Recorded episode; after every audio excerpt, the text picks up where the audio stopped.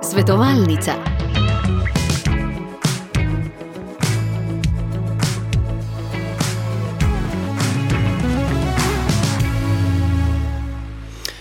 Spoštovani poslušalci, lepo zdrav v današnji spet zdravstveni svetovalnici, ko se bomo posvetili, ja, spet eni izmed redkih bolezni, eh, ki se jo vedno bolje diagnosticira in zakaj je to pomembno, kako pomembno je pravočasno ugotoviti, za kakšno bolezen gre. O tem v nadaljevanju z nami je predstojnik Centra za zdravljenje Fabrijeve bolezni, internist primarij Bojan Vujkovac. Lepo pozdravljeni. Lepo zdrav.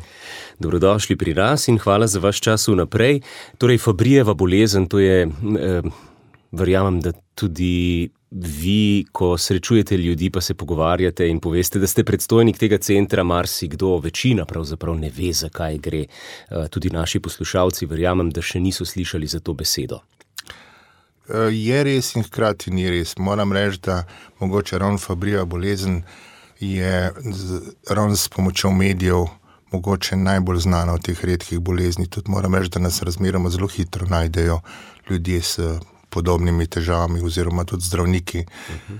Tako da tu se mi zdi, da je ta prepoznavnost uh, relativno dobra. Čeprav prvega bolnika v Sloveniji ste odkrili tam v začetku 90-ih let šele.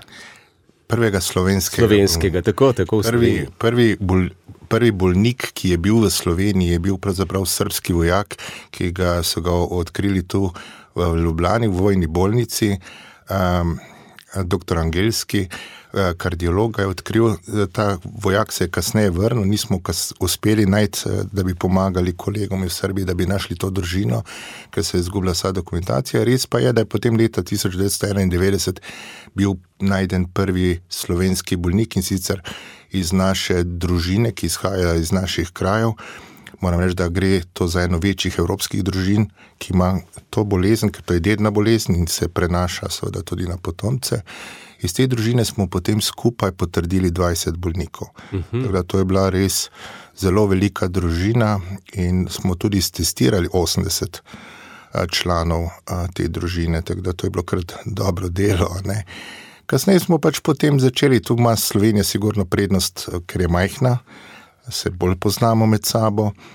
In potem so nekako ostali kolegi iz drugih delov Slovenije preusmerjali k nam, če so se našel še kak bolnik, ker smo že predtem, da se je začelo zdravljenje, nekako začeli zbirati te bolnike in jih sistematično obdelovati. Gre hitreje kot v kakšni veliki evropski državi. Recimo. Brez dvoma, brez dvoma. Eh, no, pa zdaj smo že vstopili v samo eh, ja, diagnosticiranje.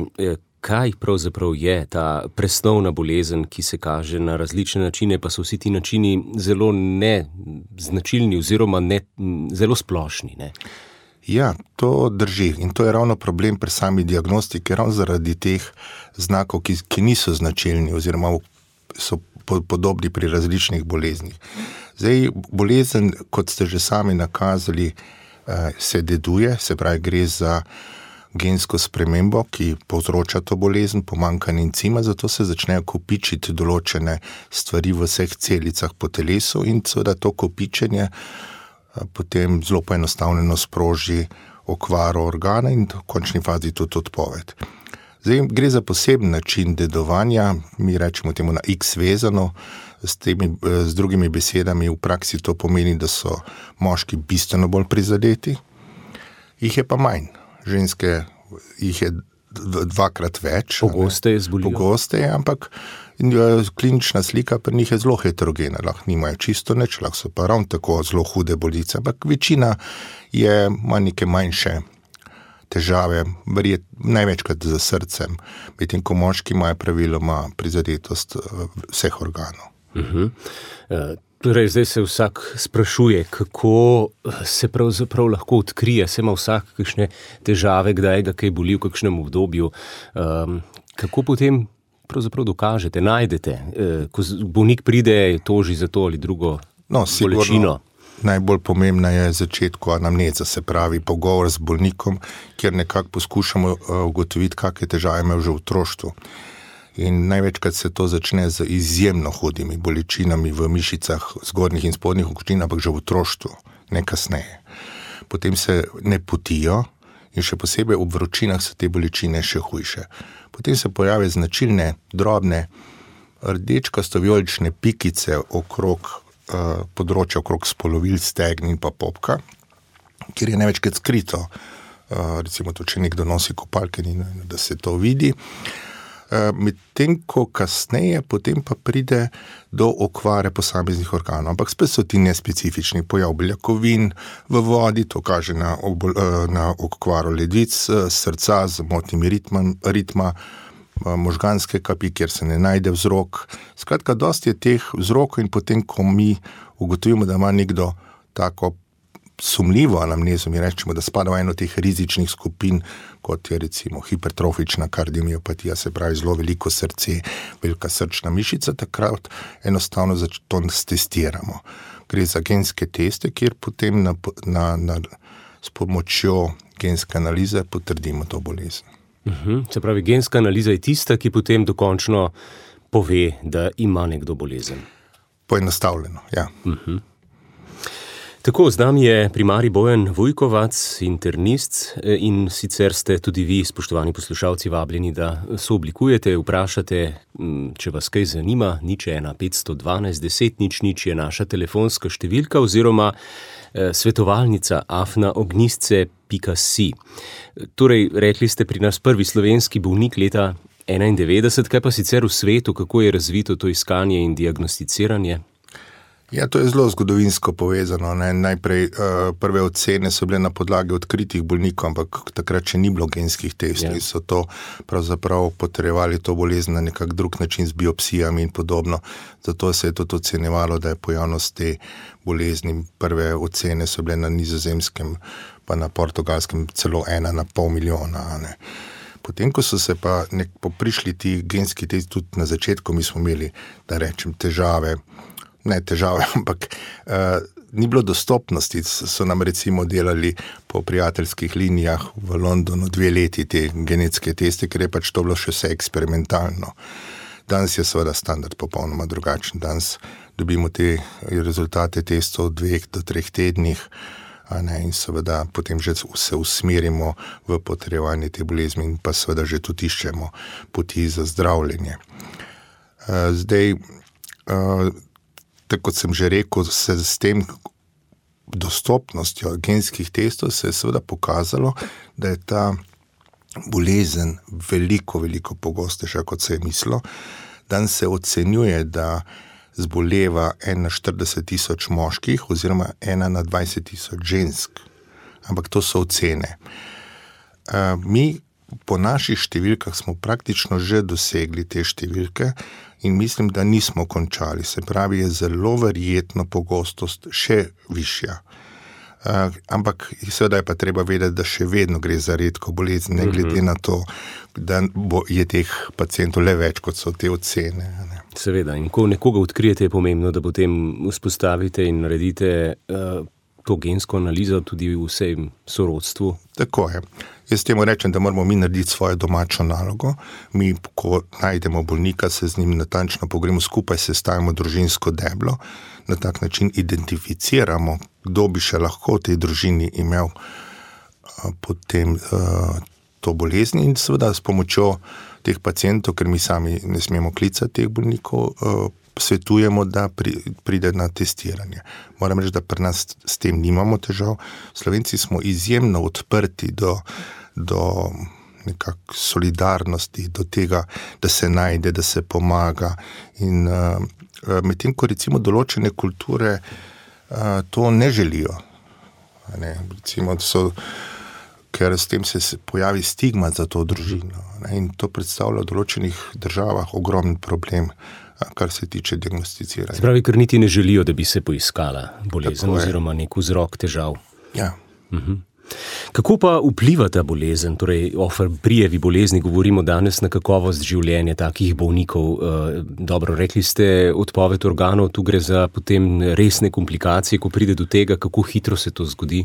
No, ampak pravzaprav si poskušajte predstavljati fanta, ki ima strahotne bolečine, takoj ko ima povišeno temperaturo, igrajo nogomet, on ga praktično ne more igrati, ker takoj ko bo več, več imel obremenitev, bo dobo te strahotne bolečine. Uh mhm. -huh. In to praviloma okolica ne razume.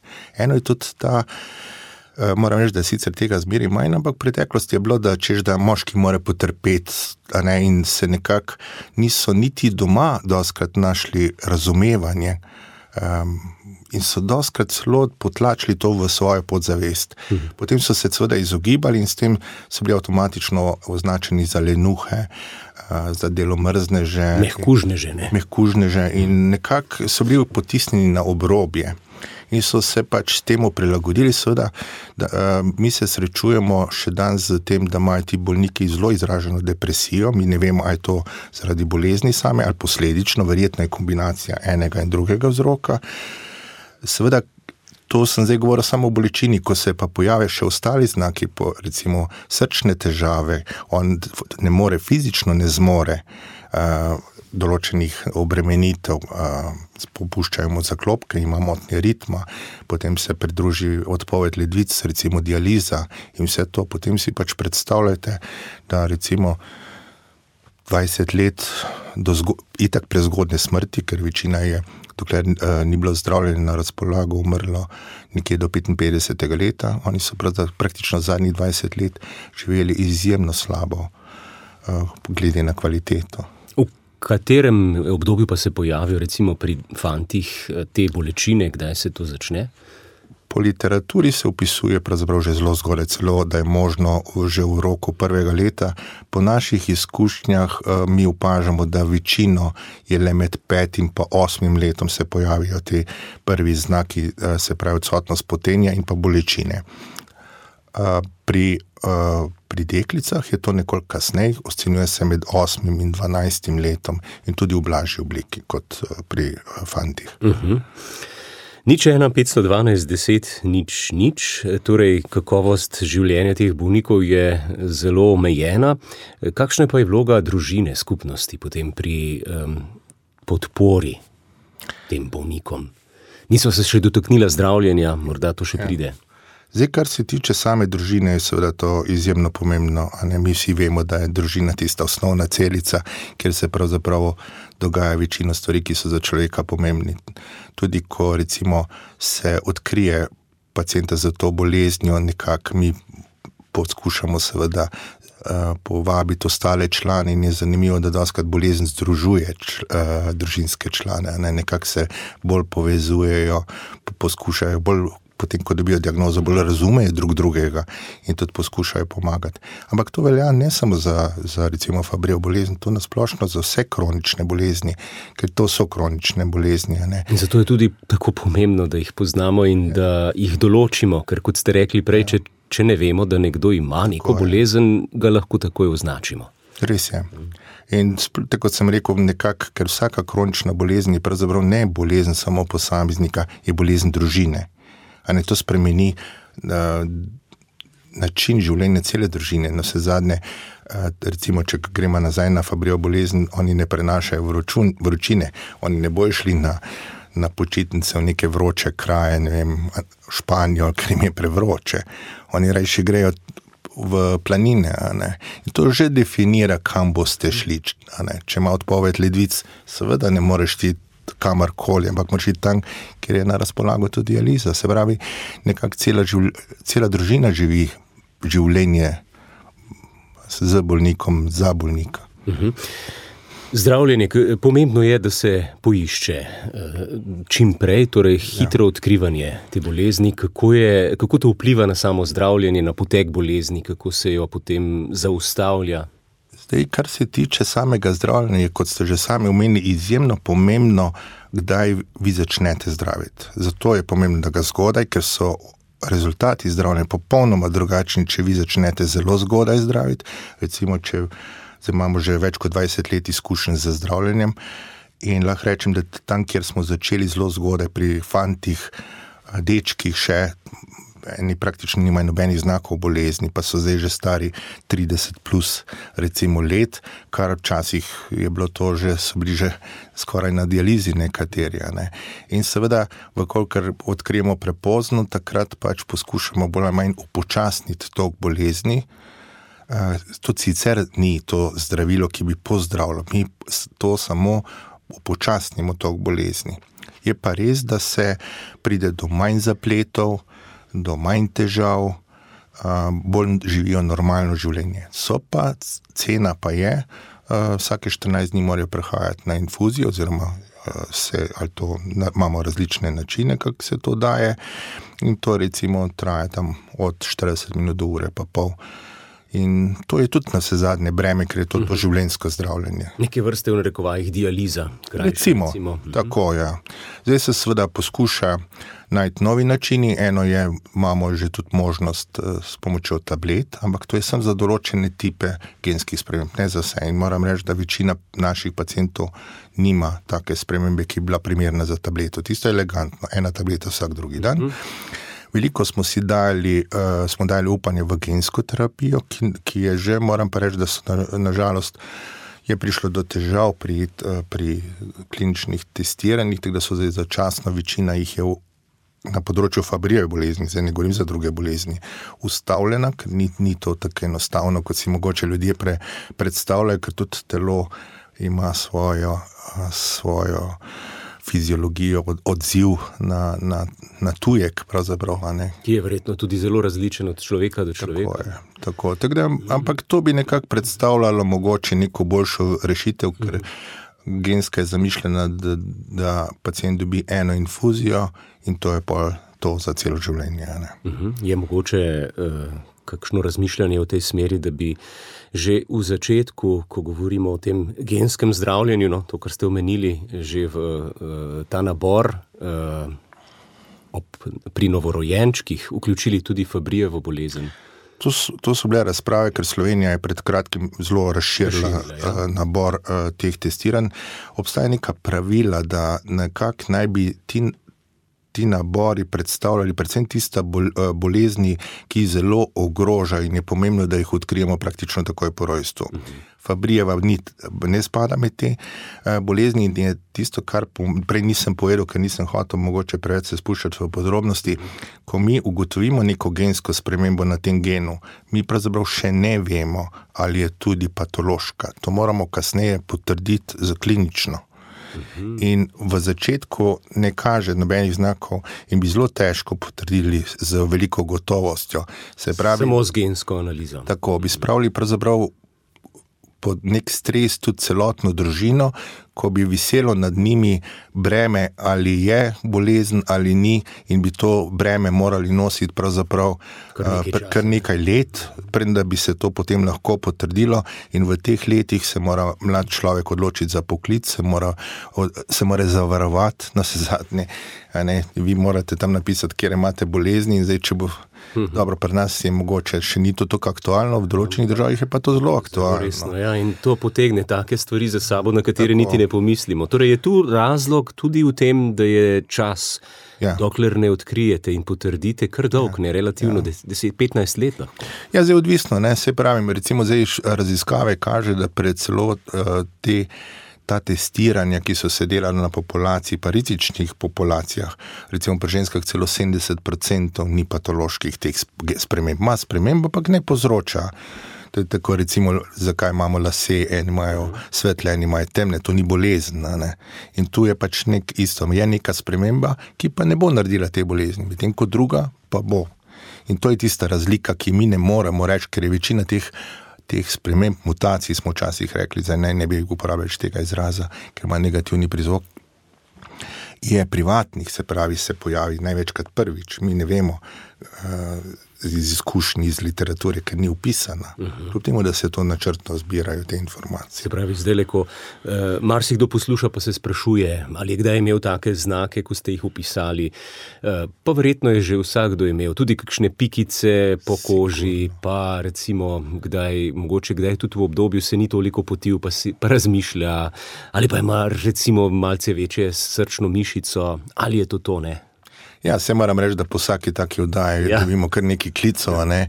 Največkrat so pač to praviloma starejši ljudje, ki jih pri 80-ih začnejo boleti kosti, ampak to seveda to ni to, to mi posebej poskušamo. Ampak, a- veste, že vsak eh, človek, ki nekako začne razmišljati o tem, ne moreš ga kar odpraviti. Ti se moraš z njim le malo pogovoriti, nekak, da ga poskušaš nekako prepričati, da le to ni to, da to je neka druga bolezen, ne, ki poteka seveda že iz otroštva. ne. Um, je pa res, da to poskušajo. eh, Poljaki so bili izjemno uspešni z takimi eh, medijskimi kampanjami, so odkrili ogromno bolnikov. ne. To je se pravi očitno z neko usmerjeno. Usmerjen pristopom medijskim, da se pa le da. In temu je namenjeno pravzaprav tudi, tudi ta oddaja, ozaveščanje, Seveda. da pravzaprav sploh to obstaja. Eh, Večkrat zdaj v zadnjem obdobju tudi pri nas govorimo o teh redkih boleznih, eh, kako pomembno je to, no se zdaj smo že nekako načela eh, pomen tega ozaveščanja.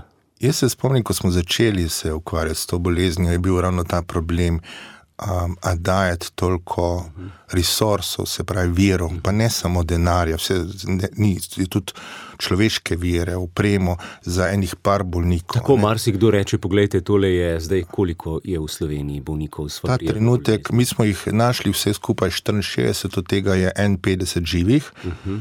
In je treba vedeti, da pravzaprav mogoče se sliši malo, ampak smo Ja. ena najbolj uspešnih držav na svetu, glede odkrivanja, diagnosticiranja bolnikov. To je nekako v evropskem prostoru kar lepa številka za 2 milijona. Ne? To se drugi reče, uma, to pa vi imate že skoraj tovarno.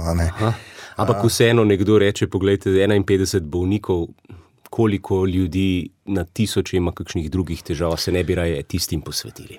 Ja, in jaz se tudi spomnim samega začetka, ko je celo takratni minister me pozival k večji odgovornosti, da ne moramo dajati take, taka sredstva za zdravljenje teh par ljudi, da to lahko drugače tisoče pozdravim. Ampak je treba to in priznam, da sem moral to najprej sam razčistiti v svoji glavi. Pacijenti niso krivi, da imajo eno od redkih bolezni, kljub temu si zaslužijo imeti neko primerno obravnavo, eh, dostojno. Ne, In ne smemo jim tega pravzaprav od, od, eh, od, odkloniti. In to se je potem pravzaprav pokazalo tudi v procesu uh, razvoja te družbe, da se je pravzaprav v teh letih to dramatično spremenilo. ne.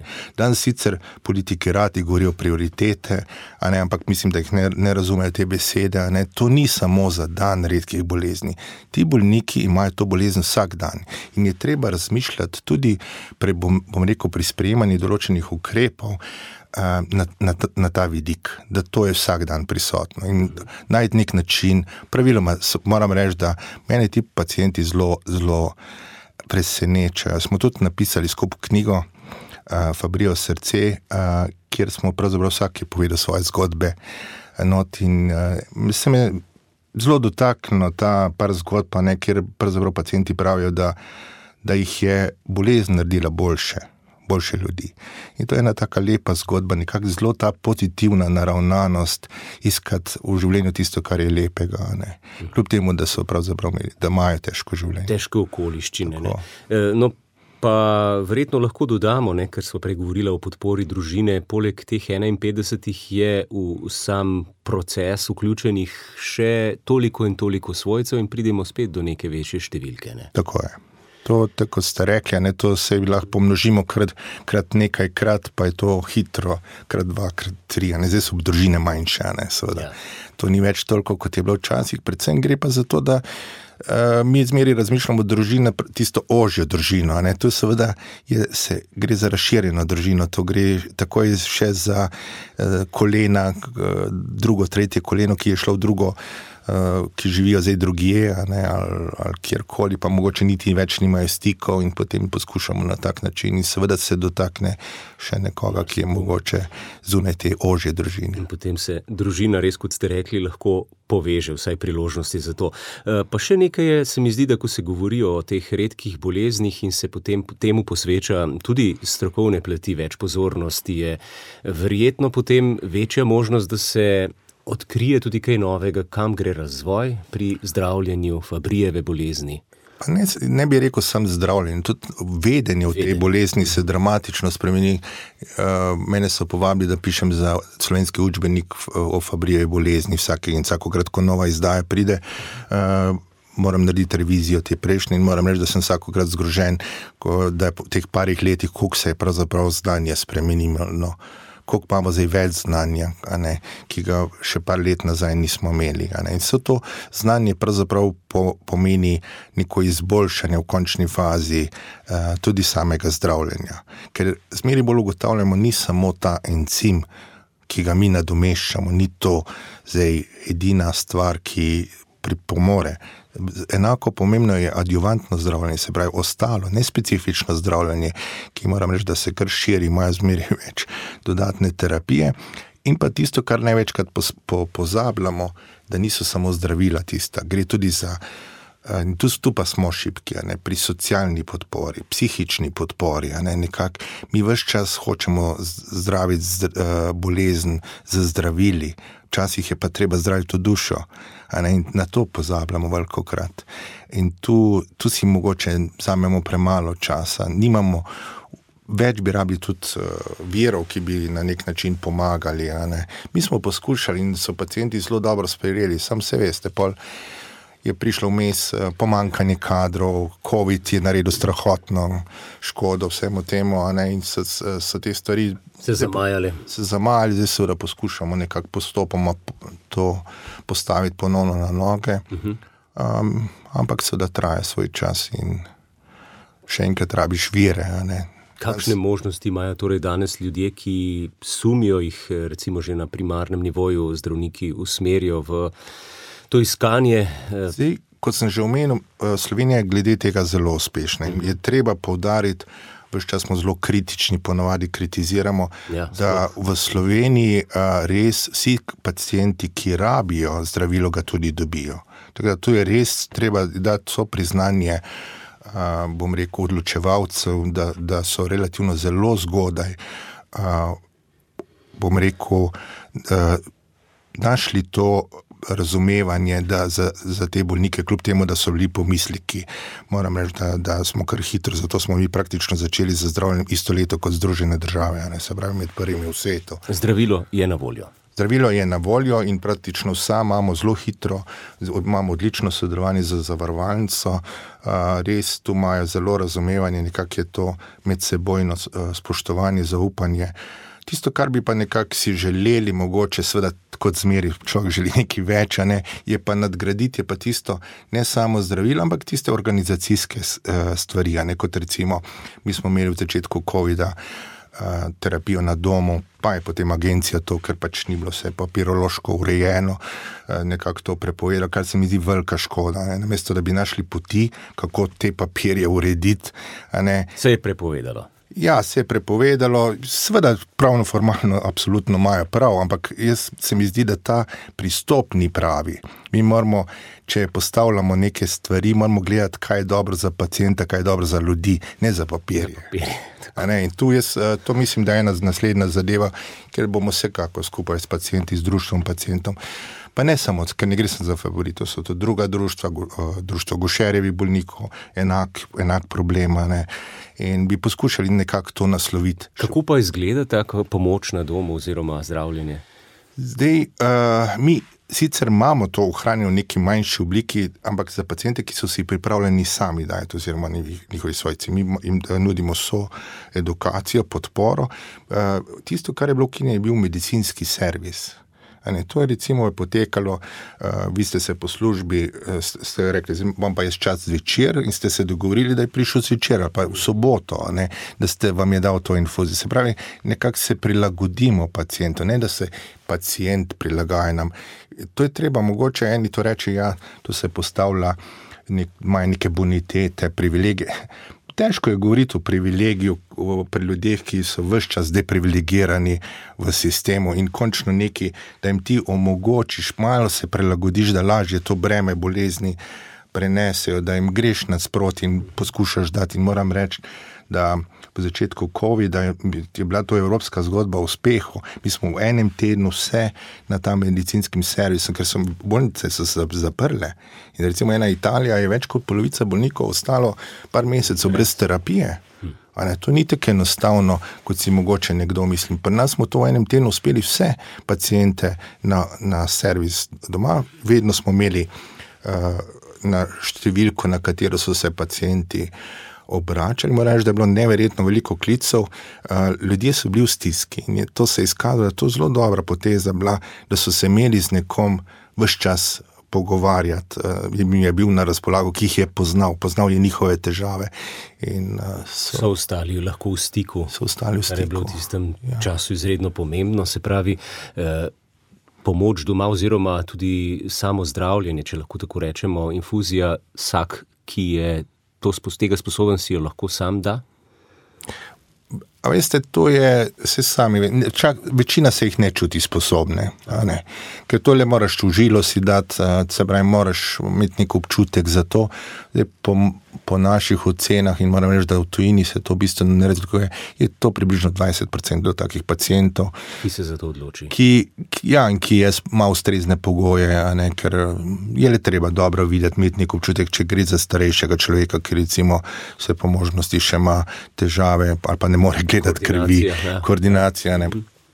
Imamo pacijente, ki se strahotno bojijo igle, in je treba to tudi upoštevati. Ne, ne morete ga vi samo reči, da se to ni nič. Ne, to on ima strah in je treba pač to tudi tako. Verjetno ni dober kandidat. Ne. Recimo, predvsem ti mlajši, ampak tudi ne vsi.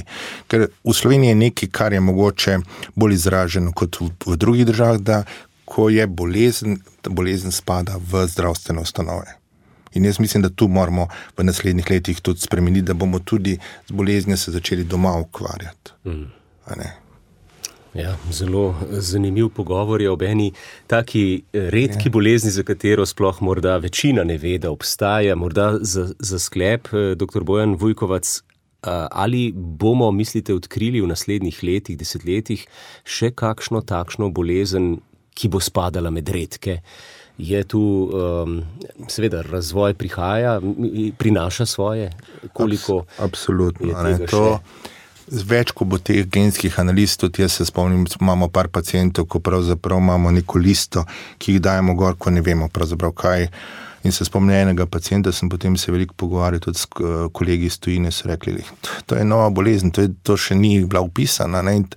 To lahko pričakujemo, da se bo našlo uh, še dodatnih. Eh, dodatni pacijenti z drugimi redkimi boleznimi, in hkrati tudi več bo. Eh, bolnikov z fabrijo boleznijo. Tudi. Torej, bolezni, ki jih zdaj še ne poznamo, ali ki jih sploh še ni, pa se pojavljajo. Sigurno, tako je. Najlepša hvala za pogovor, za vaš čas, za to, da ste se pripeljali v Ljubljano. Vse dobro, tudi v imenu vseh bolnikov s fabrijo boleznijo. Center, ki deluje v Slovengracu, je zato, da pomaga. Res je. Hvala, Hvala za, za vabilo. Svetovalnica.